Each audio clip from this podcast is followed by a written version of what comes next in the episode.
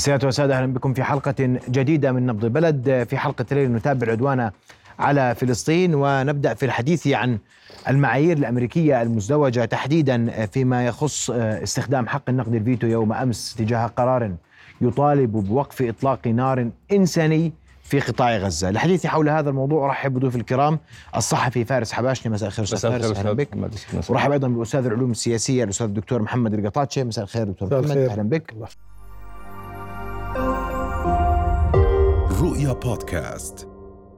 ودعني أبدأ معك دكتور محمد وأسألك عن يعني عشان أكون أحكي لك إياها بلغة الناس، القرار كان مطلبا بهدنة وقف إطلاق نار إنساني. يعني الإنسانية هي التي دفعت العرب لتقديم هذا المشروع لأن الوضع الإنساني في غزة لم يعد يحتمل.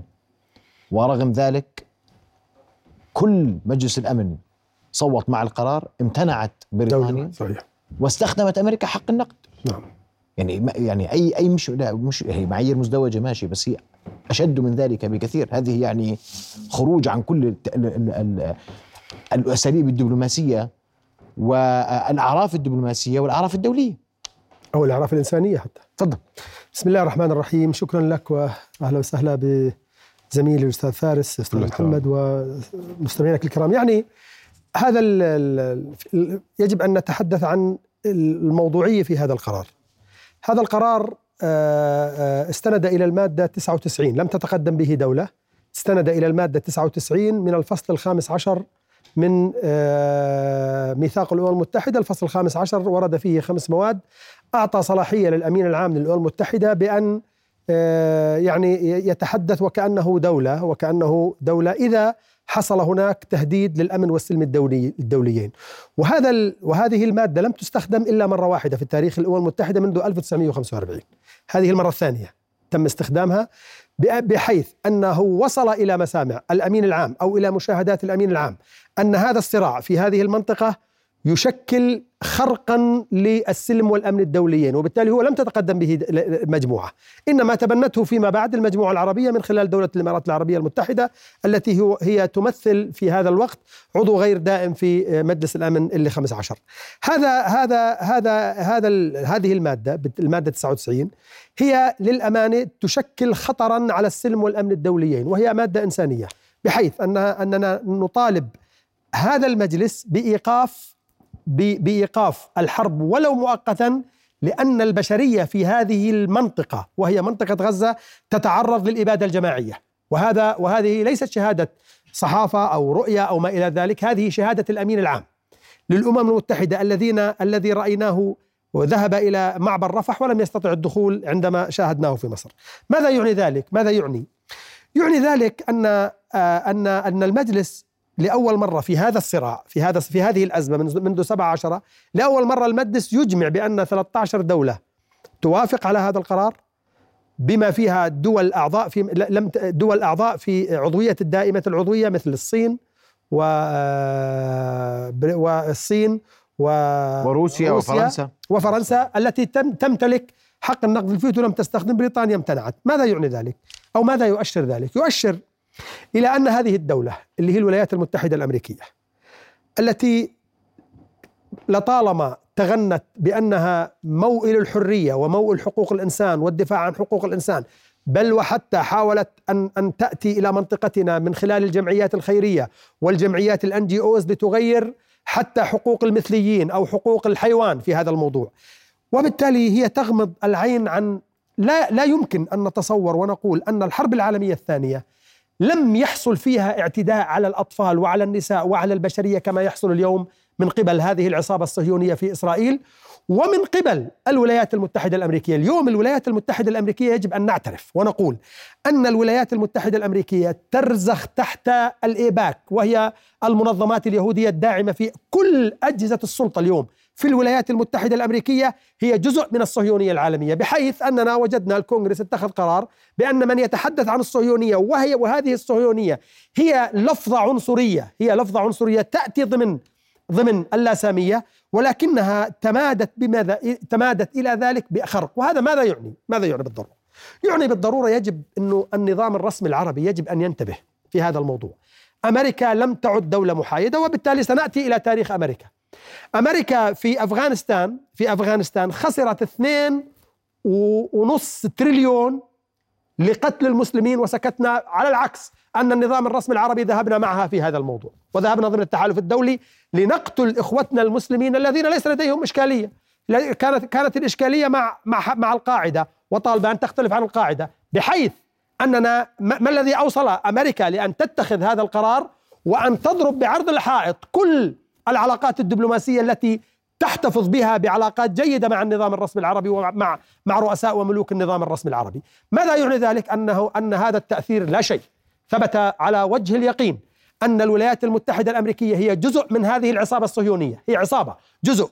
وأن بايدن عندما يتلفظ وحتى الولايات المتحدة الأمريكية عندما تأخذ السردية الأمريكية بأننا بأن حماس قامت باغتصاب وما إلى ذلك ونكتشف أن هذه الصور التي عرضها رئيس الوزراء على صفحته الخاصة هي لمجندة في إحدى دول جنوب في في في إحدى دول أمريكا الجنوبية. بمعنى اليوم اليوم ثبت لأرض ثبت على وجه اليقين أن الولايات المتحدة الأمريكية هي القاتل للنظام السياسي الإسلامي والعربي وبالتالي لم يعد لم يعد أن أن نقول أو لم يعد ولن نقبل من أي أحد.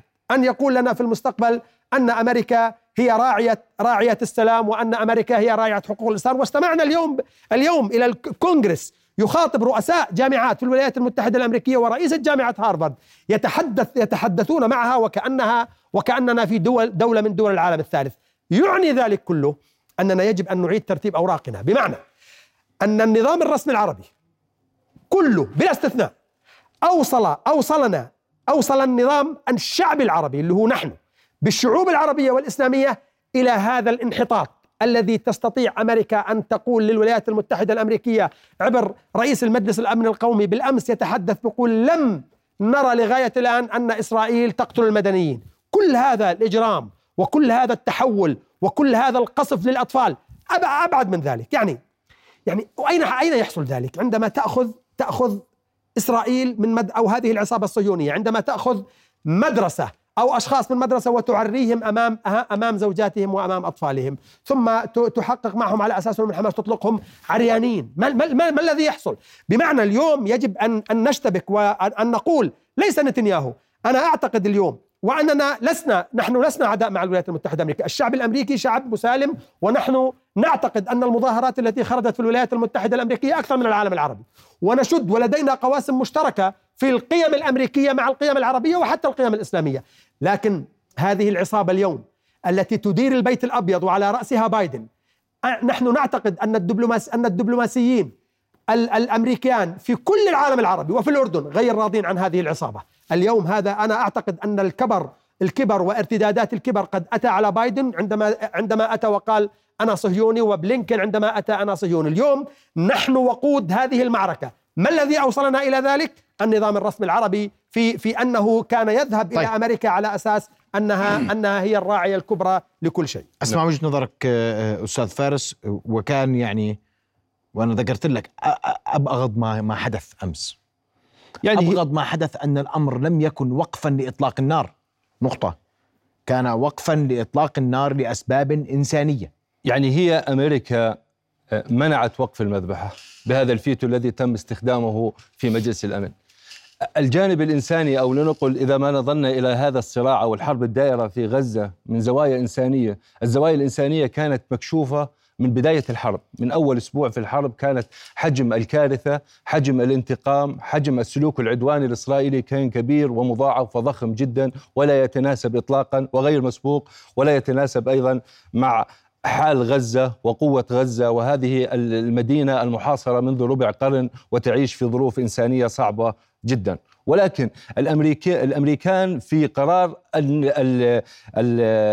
الفيتو هم يؤكدوا على أنهم ماضون في سياسة ومواصلة الدعم السياسي والعسكري والمعنوي إلى إسرائيل وجيش إسرائيل. ونحن تابعنا من بداية الحرب كيف أن الأمريكان فتحوا أبواب البنتاغون وأبواب مصانع الأسلحة الأمريكية جميعها إلى إسرائيل بهذا الدعم المفتوح والمطلق. وفي الأسبوع الأول من الحرب حضر قادة العسكريين والأمنيين والسياسيين أيضا كانوا كلهم موجودين في غرفة العمليات في تل أبيب وشركاء في صناعة القرار وتوجيه الحرب، لذلك لم يكن مستبعد اطلاقا هذا التوجه الأمريكي، ولكن ما كان هو لافت في جلسة مجلس الأمن بأن الامريكيين الأمريكان كانوا هم الوحيدون بالفيديو بالفيتو وكان من المتوقع أن تذهب دول أخرى في من ضمن الدول الاوروبيه الدول أعضاء مجلس الأمن سواء الدائمين والغير الدائمين بالتصويت بقرار الفيتو، البريطانيين سجلوا موقف امتناع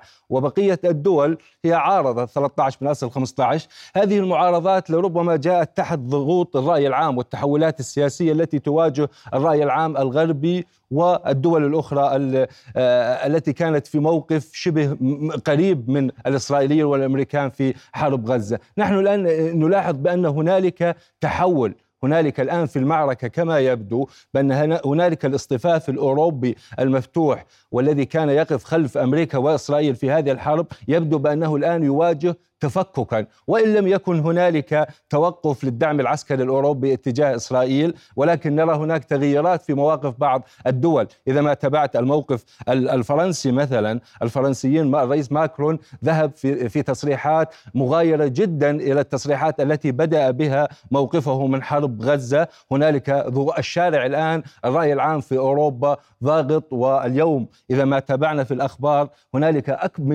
من المسيرات الكبرى المليونية أيضا خرجت اليوم في العاصمة البريطانية آه، لندن. وهنالك أيضا تحذير تحذير إلى مسيرات أخرى ستشهدها المدن الأوروبية والمدن الغربية. نحن الآن حقيقة يعني أنا لا أرى بأن هنالك الجانب الإنساني استنزف أوراقه.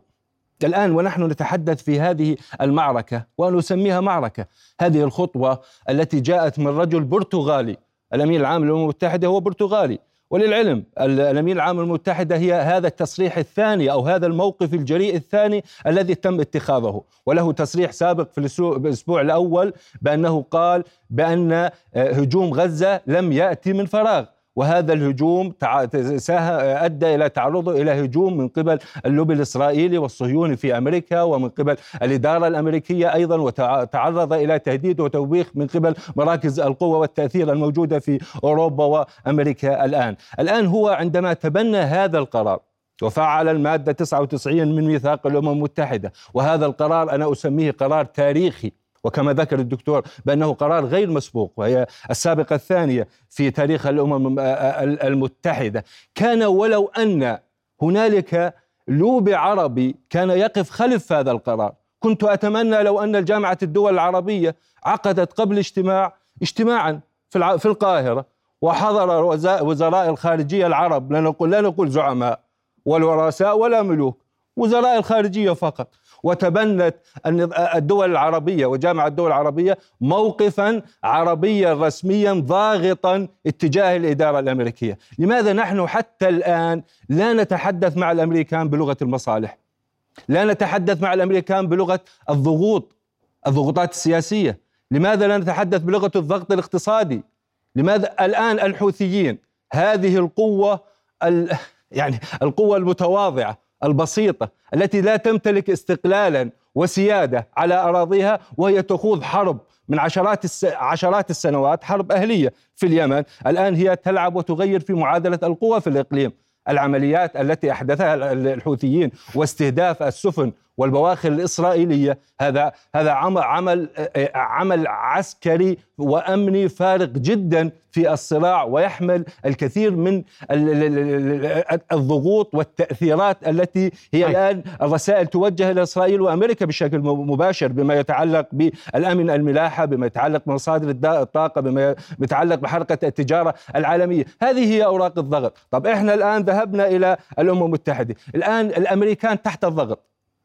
العالم الآن مشغول. العالم المعني بحرب غزة سواء الأمريكان أو الأطراف المعنيين. هم مشغولون الآن بشكل مباشر جدا. ووسائل الإعلام الأمريكية تصدرت تصدرت بهذا السؤال. ما هو اليوم التالي؟ الآن هم مشغولون ليس فقط في وقف إطلاق النار. لربما هم مشغولون ما بعد. هو اليوم التالي. واليوم التالي هو السؤال الأكبر والأهم بما يتعلق ما هو مصير غزة؟ ما هو مصير حماس؟ ما هو مصير؟ معركة غزة. ولماذا هذه المعركة؟ سوف تتم إدارة الانتقال إلى نحو الحكم القادم على غزة. وهذه الكثير من مما طرح من سيناريوهات متعلقة بمصير غزة وبمصير حماس أيضا. طيب. نحن الآن نحن الآن امتلكنا هذه الفرصة وهذه اللحظة وأكرر على تسميتها بأنها تاريخية. أنا أتحدث الآن يعني لربما الدكتور استخدم بعض المفردات يعني النظام الرسمي العربي. النظام الرسمي العربي دكتور هو ساقط. والعالم الإسلامي والعربي أيضا هو ساقط. العالم مقبل الآن على مفردات جديدة. ومن لا يؤمن بهذا الشيء هو لا يؤمن بالتاريخ. الآن هذا الحدث الذي يقع في غزة وهذه الحرب التي تقع في غزة هي بصغر الجغرافيا ولكن بكبر الاستراتيجية وبكبر التغير الذي سوف يطال الإقليم ويطال العالم أيضا على مستوى النظام العالمي والعلاقات الدولية التي ستبدأ من غزة. ولربما هذه هي من طيب. المقولات السابقة في في السياسة وفي الشرق الأوسط بأن التغيير في العالم حتما يبدأ من هنا. هذه المنطقة مثقلة هذه المنطقة مثقلة بالأديان مثقلة بالأيديولوجيا مثقلة باللاهوت السماوي. الآن الاسرائيليين لماذا يحاربون؟ لربما هنالك مصالح ولكن الغطاء التعبوي هو ديني توراتي.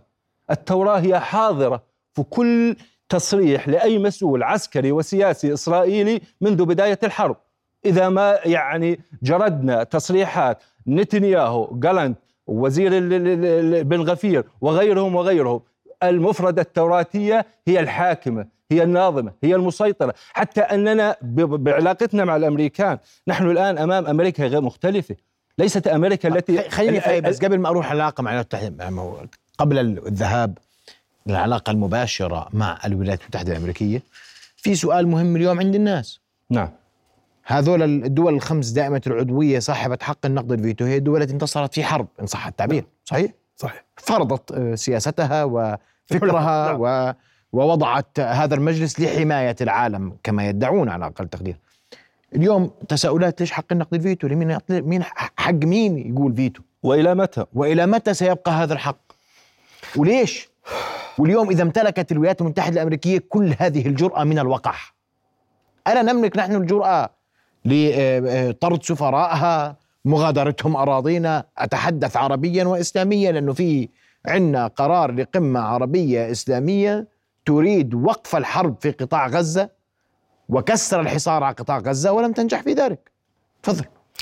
يعني أنت أستاذ محمد أسئلتك قوية وأسئلتك هي أسئلة الشارع العربي وقبل أن نبدأ بالنظام الرسمي بالنظام الدولي اللي هو بعد 1945 عندما أنشئت الأمم المتحدة على إثر اجتماع اجتماع آه، اجتماع سان فرانسيسكو اللي اجتمعت فيه 44 دولة سنة 1944 وأنشأ نظام سياسي دولي وأنشأ في بريتن وودز نظام اقتصادي دولي. أنت لكي تغير هذا الموضوع لا يمكن يعني هؤلاء هم الأسود، مجلس الأمن يمثل الأسود. الدول الدائمة العضوية تمثل الأسود. من هو الأسد الذي سيأتي إلى هذا الموضوع؟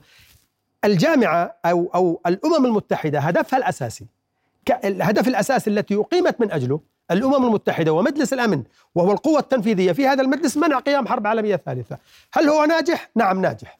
يعني بعرف هذه الدول هو ناجح لأنه منع قيام حرب عالمية ثالثة بمعنى أعطيك أحيلك للحرب العالمية الأولى عدد القتلى 15 مليون الحرب العالمية الثانية 55 مليون القتلى والحمد لله الأمة العربية لم تكن تساهم في شيء يعني أقل قومية أقل قومية على وجه الأرض دفعت دماء في الحرب العالمية الأولى والثانية القومية العربية.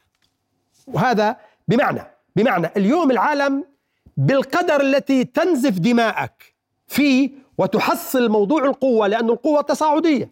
وتحصل قوة تكون أنت أنت تجلس مع مع الأسود. هذا المجلس مجلس الدول الدائمة العضوية هي الأسود هي التي تمتلك قوة. وبالتالي اليوم الروس على خلاف مع الولايات المتحدة الأمريكية لكن يجلسون ويتحاورون. وبالتالي أعطيوا ولن يتغير هذا النظام الدولي. يعني اليوم نسمع من هنا وهناك إنه العالم العربي بدنا نعطيه فيتو. كيف تعطي العالم أنا أنا أنا ضد إعطاء العالم العربي فيتو. كيف تعطي العالم العربي فيتو؟ ما هو العالم العربي جزء من النظام الدولي التي أنشأته الولايات المتحدة الأمريكية والدول الأوروبية بعد 1945 كله سايكس بيكو. وبالتالي وبالتالي يجب أن نتحدث بصريح, بصريح العبارة. جزء كبير من النظام من النظام الرسمي العربي والنظام الرسمي الإسلامي هي جزء هي دول وظيفية، يعني لها وظيفة.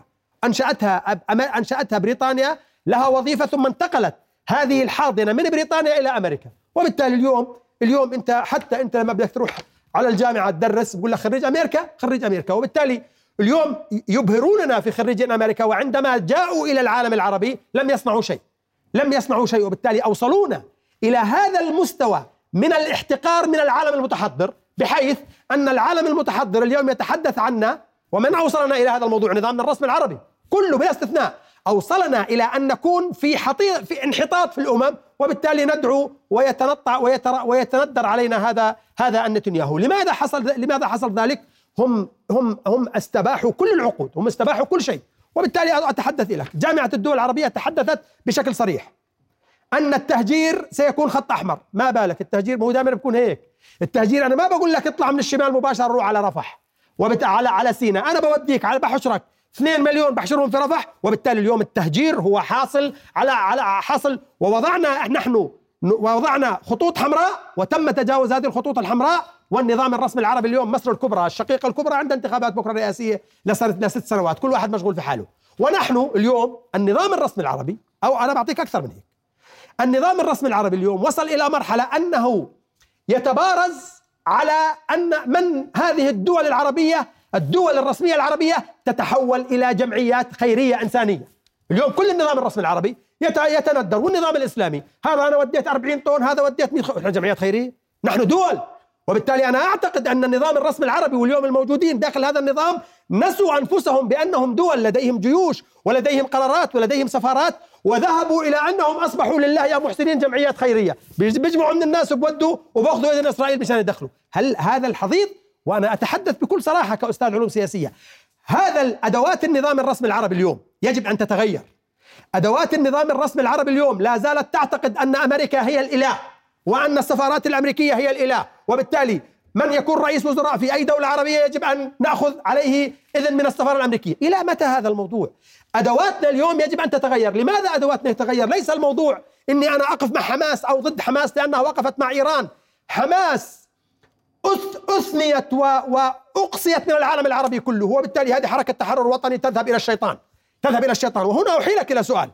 عندما النظام الرسمي العربي كان يجند يجند العالم تبعا لأمريكا لمقاتلة روسيا. كانت كل الجامعات العربية والمساجد عندنا مفتوحة للتجنيد إلى الولايات المتحدة الامريكيه، ذهبنا مع الولايات المتحدة الامريكيه، وإسرائيل لم تذهب. بالمقابل اليوم كل قادة النظام الرسمي العربي وكل قادة يتحدث معهم ما بنشوف شو. أنا بعطيك شغله. أنا نفسي زي ما آه، زي ما بايدن بيجتمع. يعني في شيء غلط. يعني النظام الرسمي العربي عندما يتم اتصال تليفونات أو مع بايدن أو مع الرئاسة الأمريكية لا يخرجون علينا بمؤتمرات صحفية لكنه عندما يذهب إلى إسرائيل يخرج بمؤتمر صحفي ويقول نحن جزء من هذه المعركة وحماس حركة إرهابية. لم يقوم لم يقم نظام رسمي عربي واحد بالاعتراف بأن حركة التحرير بأن حركة المقاومة الإسلامية حماس لها غطاء سياسي. هي الإشكالية اليوم. اليوم حماس بلا غطاء سياسي. اليوم كلهم يقولوا نحن ضد ضد نحن ضد قتل هذه المدنيين. ومن قال لك؟ حماس بتقول لك ما لك علاقة. أنا بدي تحكي النظام الرسمي العربي اليوم وعلى رأسه السلطة الوطنية تتحدث الأمريكان وتقول هذه حركة تحرر وطني وحماس هم شعب محتل منذ كما كما بدأت في حلقتك 17 منذ 17 عام وهم محاصرين. اليوم الطفل في غزة ما بيعرفش معنى الجبل. يعني ما طلع لما جبناهم على الأردن هون على مركز الحسين للسرطان في أطفال منهم أنا زرتهم قال أول مرة بشوف الجبل. هو بشوف الجبل على التلفزيون ما عمره شاف الجبل. هؤلاء مضطهدين ما لك علاقة فيهم قتلوا ولا ما قتلوا أنت؟ ها هذه هؤلاء يدافعون عن شرف الأمة اليوم. ما المطلوب من النظام الرسمي العربي؟ أنا بقول لك اليوم نحن لسنا النظام الرسمي العربي ليس جاهز كما يقول للحرب. لماذا؟ لأن الأدوات الموجودة هي أدوات فصلت لكي تطبق كل النهج الأمريكي. فصلت كيف بدك تغيرها؟ إذا بدي أنا أسوي نظام على المستقبل لأنه اليوم على غزة. مستق... أنا صرت أخاف على نفسي. اليوم كل إنسان كل مواطن عربي يخاف على نفسه لأنه إسرائيل إسرائيل لديها طموح وغيرت الخارطة. وأنا أستغرب أنا أستغرب اليوم. أنا أستغرب من هو المجرم؟ من النظام الرسمي العربي الذي سيضع يده في يد هذه العصابة. من سيخرج علينا على شاشة التلفزيون ويسلم على نتنياهو؟ وللأسف رأينا في الكب في في في, في الإمارات أن بعض الزعماء العرب الذين يتباكون تبادلوا تبادلوا الابتسامات مع مع, مع رئيس إسرائيل. من هؤلاء؟ هل هؤلاء تجري في دماء في في عروقهم دماء عربية؟ أنا أستغرب. والحقيقة في هذا الموضوع. بمعنى اليوم نحن عندما نقول أن حماس ستنتصر ومصلحة الأمن القومي العربي أن تنتصر حماس. واليوم أنا بقول لك بدي أجاوبك على سؤال إذا ما سألته الأول. من سيوقف الحرب؟ حماس. لن يوقف الحرب أحد. ولن يكون لأحد في النظام الرسمي العربي جميلة على إيقاف هذه الحرب إلا حماس وتحمل هذه الشعوب العربية. ولأذكرك فيما بعد كل النظام الرسمي العربي الذي انهزم في السبعة وستين وفي الثمانية وأربعين ولم يعترفوا بتسمية هزيمة خلال ثلاثة أيام أربعة أيام انقطعت القيادة بالاتصال بالجيوش في كل النظام الرسمي العربي. وبالتالي الجيوش روحت عدورها اللي روح في دبابته على مدينته واللي روح. ما المطلوب اليوم؟ المطلوب أن تكون هذه حماس. لن نقول لك إنه حماس ماخوذه من إيران، إيران وبالتالي هذا السم... هذه الشماعة التي يرفعون إنه هذه تابعة لإيران، لا مش تابعة لإيران، هؤلاء حركة تحرر وطني، إن كان الشيطان يمدني يمدني بالسلاح أنا استمد بهذا بالسلاح. يعني من هو الشيطان دكتور؟ إحنا حتى كمان هو الشيطان إسرائيل أم إيران؟ نعم في المنطقة. الشيطان طيب. هل الشيطان يعني هو إيران؟ بالتالي إسرائيل أم أمريكا؟ بالتالي المصلحة اليوم من هو الشيطان الأكبر؟ بالتالي المصلحة اليوم اليوم المصلحة لا نقول عداء مع الولايات المتحدة الأمريكية. نحن لدينا علاقات ومصالح مع الشعب الأمريكي. لكن هذه الحكومة الأمريكية اليوم هي جزء من العصابة. هي هي اليوم اليوم تقضي على على الضرائب الدافع الضرائب الأمريكي واليوم بدأنا نسمع أصوات لقتل هؤلاء المسلمين. بالتالي اليوم لن يقبل لن يقبل. أنا مع أنا اليوم أنا أدعو النظام الرسمي العربي والدولة الأردنية بالذات تغيير مناهجنا. اليوم مناهجنا يجب ان ان أن أن تعدل وتغير إلى ما كانت عليه. العقيدة العسكرية الأردنية واضحة. اليوم العسكر الأردني والجيش العربي الذي هذه المؤسسة نثق فيها كل الثقة. يجب أن تكون لدي لها لها صناعة؟ ويجب أن نبعد بعض النخب السياسية العميلة في العالم العربي كله مع السفارات الأمريكية. طيب. كلها عميلة في السفارات وتساؤل الضغط يعني اليوم. اليوم في مسيرات عند السفارات الأمريكية صحيح؟ نعم. نعم هناك مسيرات غير غير منقطعة. غير منقطع. نعم هناك غضب شعبي في الأردن غير منقطع. وفي العالم غير ذلك منقطع. في الأردن أنا أسميها الجبهة الأردنية. الأردن الآن إحنا نحن بأشبه بحالة حرب. م. يعني أنت في الأردن عندما تسمع تسمع تصريحات ابن غفير ويدعو إلى تهجير تسليح المستوطنين وتهجير سكان ضفة الغربية. ماذا يعني ذلك بالنسبة إلى الأردن الرسمي والشعبي أيضا. هو أنك أنت طرف في الحرب.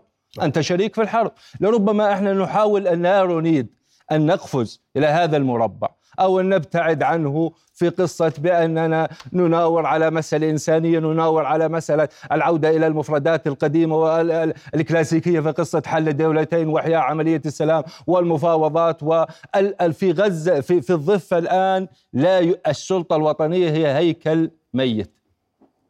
جثة هامدة. المعادلة الآن تتغير. ما يجري بغزة الآن هو قلب المنطقة رأسا على عقب.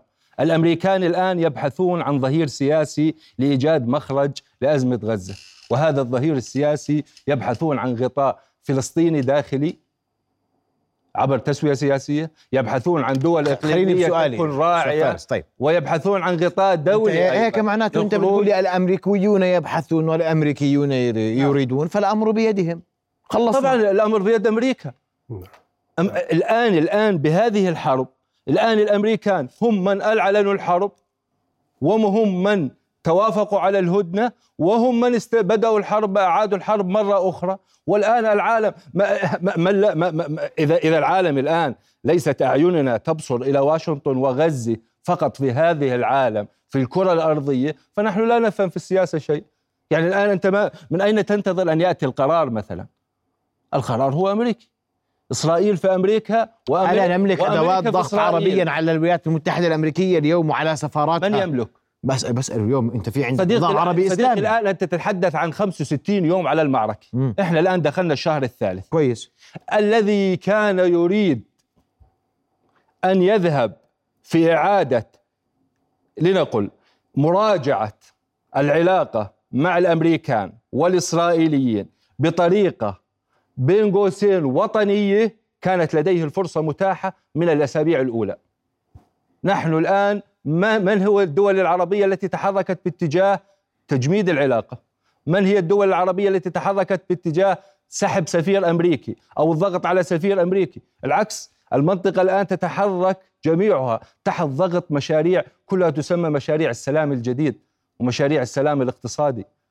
وهذه المشاريع الكبرى العابرة للدول التي تحدث لها اجتماعات لا نملك متكررة سيدي أنا بسألك اجتماع اليوم دبي اجتماع أنا بسألك سؤال يا يا سيدي اسمح لي أنا بسألك اليوم في عواصم آه، آه، عربية وإسلامية وازنة في العالم غلطان؟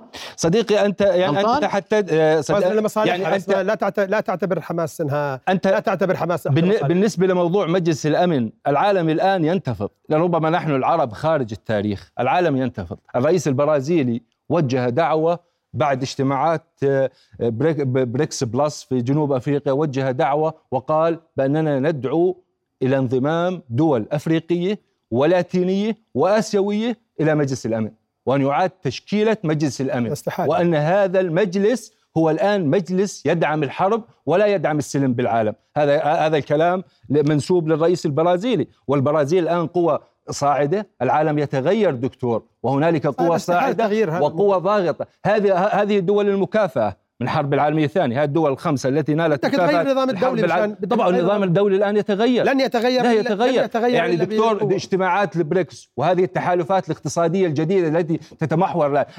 لو تتبعنا حتى الدول الصين مثلا الصين تتحرك في المنطقة بطريقة غير مسبوقة اقتصاديا فقط لا سياسياً. حتى سياسيا الصينيين كان لهم عدة مواقف في مجلس الأمن وكانوا ضاغطين من بداية الحرب باتجاه أن يكون يعني هنالك تبني لقرار دولي لوقف الحرب في غزة. هنالك يعني ال- هنالك سلوك مغاير يعني أستاذ ومختلف. يعني أحيانا نحن نلوم الآخرين. يعني بس إحنا ما بدناش أسا- نطلع من الحضن لا لا الأمريكي. إحنا, إحنا هاي سياسة لا لا نطلع من الحضن. الأمريكي نروح للحضن الروسي. ما إحنا جربناها هي ما توازن. توازن. يعني بدنا حضن إلنا. توازن. لا هذا توازن القوة. يعني إحنا هذا لا جربوا عبد الناصر الروس. لا لا الروس أنا الروس ما بلومهم. أنا مرة سامعها من يعني بروفيسور روسي. بلومه في قصة العلاقة العربية الروسية وبأنه بهكذا كحرب غزة قال لي إحنا في حرب ال 73 من الذي سلح الجيش المصري والسوري؟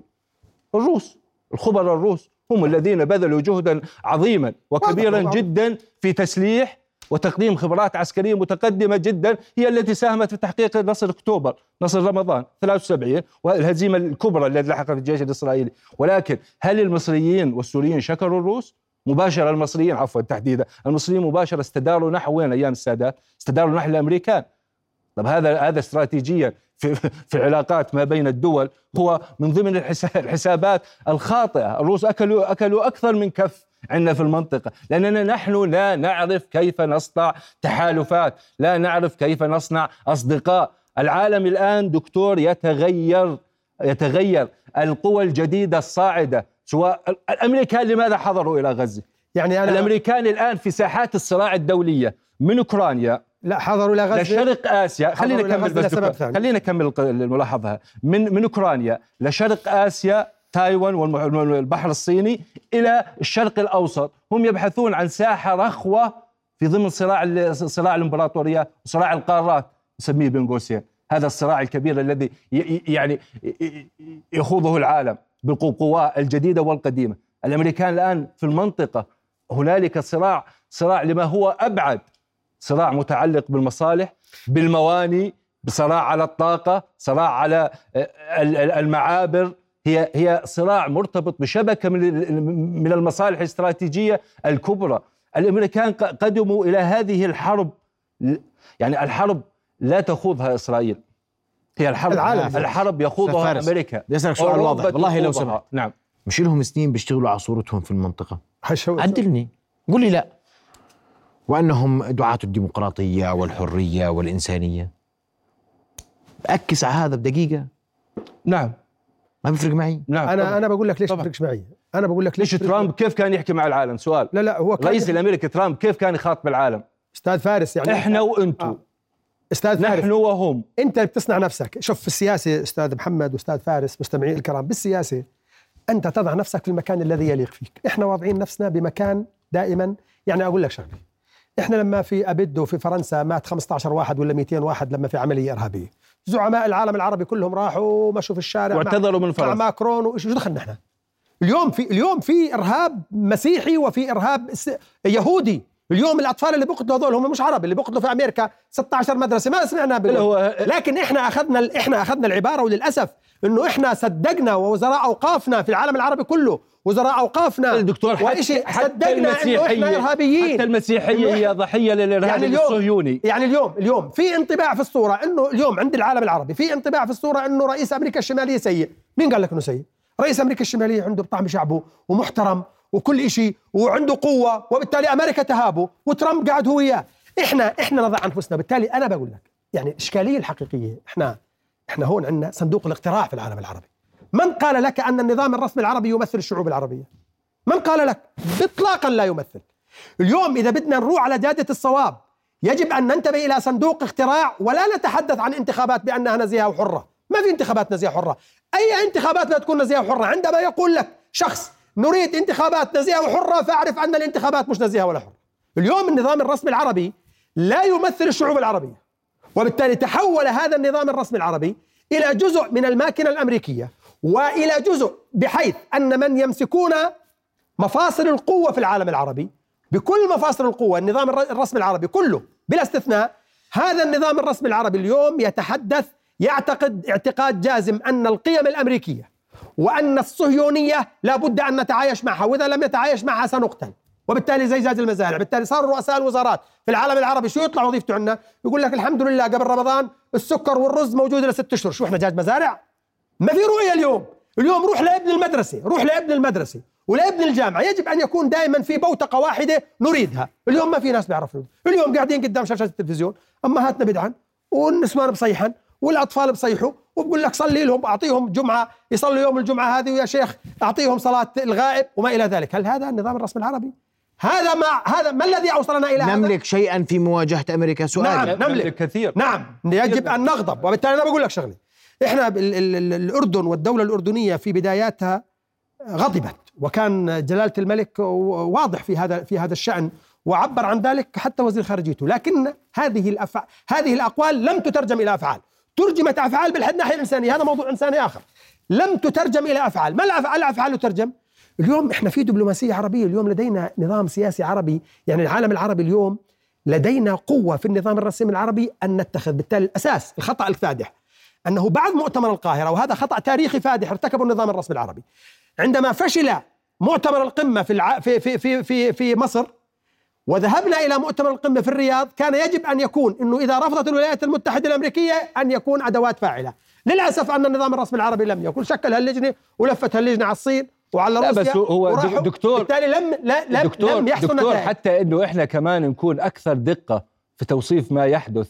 يعني هنالك حديث من بعض ال يعني التحليلات السياسية تقول بأن الأمريكان والإسرائيليين لا يسيرون عبثا يعني في هذا الحرب. في بعض الدول العربية دون مباركة ودون غطاء عربي يعني. لا واضح. هذا الغطاء غير معلن بشكل مباشر هذا ما أو أن هنالك فارس مش معلن. أنا حكيت لك قبل شوي قلت لك أنا أتحدى أن يأتي بايدن وبلينكن مع أي زعيم عربي ويطلع في مؤتمر صحفي لذلك ويحكي بشكل عام. وبالتالي هو طلع مع واحد. لدينا طلع مع واحد بس. طلع آه، بلينكن طلع مع مين؟ مع الرئيس عباس وقال حماس منظمة إرهابية وعباس ايده في هذا الموضوع، ليه؟ ليه لموضوع اليوم النظام الرسمي العربي بحاجة إلى انتفاضة، نفسه نفس النظام الرسمي العربي بحاجة ليه؟ ليه؟ لأنه سعرنا نزلوا سعرنا، اليوم النظام الرسمي العربي طيب. قوميتنا نزلها وسعرنا نزلها في الحضيض بالتالي اليوم صرنا طيب. نتسول طيب. في هذا في هذا في هذا الشأن تفضل أستاذ فارس يعني يملك العرب شيئا اليوم في وجه أمريكا لدينا لدينا هذا فيتو صارخ ضد الإنسانية نعم لدينا لدينا نملك الكثير في العلاقة العربية الأمريكية. ونملك التأثير أيضا العلاقة على المستوى القطري أو على المستوى العربي المجموع. وأنا لا أميل إلى تسمية النظام الرسمي العربي لأن هذه المفردة من الكلاسيكيات يعني من المتحف. لأنه لم يكن هناك في لحظة ما نظام رسمي عربي. لم يتحقق تاريخيا. بيانات؟ لن تتحل لا في نظام رسمي لا لم يتحقق هذا يعني الدول العربية بتقول عن النظام الرسمي إحنا نظام شعبي. إحنا يعني لا حول ولا يعني قوة. الآن نستطيع أن نذهب في العلاقة مع أمريكا بالضغط السياسي ولكن إذا كان هنالك إرادة سياسية إرادة سياسية بمعنى إرادة سياسية لدى الأنظمة بأن اولا نحن الان نحن امام صراع خطير جدا وهو صراع تاريخي واسميه صراع وجود أيضا هذا السلوك الاسرائيلي وهذا التدمير الكارثي الذي يحدث في غزة هو لا يقصد غزة فقط ولا يقصد هذا الشعب الأعزل وهذا الشعب المحاصر إنما هو يقصد كل الشعوب نعم. العربية ويقصد كل الشعوب التي تفكر يوما ما أن يعلو صوتها بأن تقول لا لإسرائيل وأمريكا. أنا بما يحدث في غزة أنا إني أن إني أرى النصر قريب. شرط. إني أرى النصر والنصر سيبدأ من من غزة ومن مقاومة غزة. نملك الكثير والكثير لنقول لأمريكا لا. العالم كله الآن يصرخ في وجه أمريكا في البرازيل في فنزويلا في باكستان في الصين في كوريا الشمالية. العالم جميعه الأحرار في العالم يصرخون في وجه أمريكا. إلا هذه العتبة من الجغرافيا على الكرة الأرضية وهي ما تسمى بالوطن العربي والشعوب العربية. هذه العتبة التي هي أصبحت كتلة زائدة على الجغرافيا كتلة زائدة على الخرائط في لها حل ترى في لها حل ترى كتلة كتلة زائدة على التاريخ كتلة غير مفيدة اطلاقا والغير مفيد أنت دائما ما هو الحل بالنسبة له؟ استطاعه. يعني الآن نتحدث عن العالم العربي. نتحدث الآن طيب. عن سوريا وماذا حصل بها. خليني ما أدخل في النقاش هذا يا فارس. الذي بارك دقيقة بارك الدم طيب. الذي بارك الفوضى والدم في سوريا والحرب الأهلية هو الذي الآن سوف يدفع ثمن غزة. طيب واضح. يعني أقل من دقيقة أرجوك يعني أقل من دقيقه أنا بقول عان الله النظام الرسمي العربي أنا مصر عليها لأنه ما في غيرها. عان الله النظام الرسمي العربي ومن يقودون هذا النظام الرسمي العربي لأنه إحنا اليوم بنسمع كثير من أطفال غزة بدعوا عليهم. بدعوا طبعا بدعوا علينا كمان إحنا لم نشارك. ليه؟ ليه ليه بنشارك العملية التاريخية إحنا صار لنا 100 سنة عمر عمر دولنا 100 سنة. يجب أن نؤسس ويجب أن نفرض إرادتنا. اليوم الإرادة لا يجب أن لا يكون علينا أوصياء. في العالم العربي للأسف أن النظام الرسمي العربي كله أوصياء على هذه الشعوب. يعتقدون أن هذه الشعوب متخلفة وأنها لا تفهم مصالحها وبالتالي مصالحها مع الولايات المتحدة الأمريكية ومع إسرائيل. وأنا أحيلك إنه قبل 100 سنة لم تكن إسرائيل قبل 70 سنة لم تكن إسرائيل. اليوم إسرائيل أوجدتهم وبالتالي إن لم يكونوا إن لم تكن هذا النظام الرسمي دول وظيفية يجب أن نتغير. يعني اليوم أنت أنت أي أي أي أنا يعني أي زعيم بحب يكون صلاح الدين. يعني اليوم الزعماء لما يسمعوا خطب الجمعة أين أنت يا صلاح الدين؟ أين؟ أي زعيم بحب يكون صلاح الدين؟ يعني اليوم إحنا بنحطهم زعاماتنا كلها في النظام العام. بنحطهم عروسنا وبنمشي فيهم. يعني إحنا بدنا إياهم. طب دكتور لماذا لماذا لماذا الآن الان هنالك محور يتشكل في المنطقة هو محور المقاومة. لماذا نحن لا نقترب بلاش أدخل في هذا النقاش فراس. يا فارس رح تختلف قاطعتني يا فارس خلينا معلش خلصنا يا دكتور. بس كلمة واحدة. طب لماذا لا نقترب من محور محور المقاومة؟ أستاذ محمد الحل الحل حتى انه نتحدث بالحلول. الحل بالأفكار الحل هو صندوق الاقتراع في العالم العربي. صندوق طيب. الاقتراع.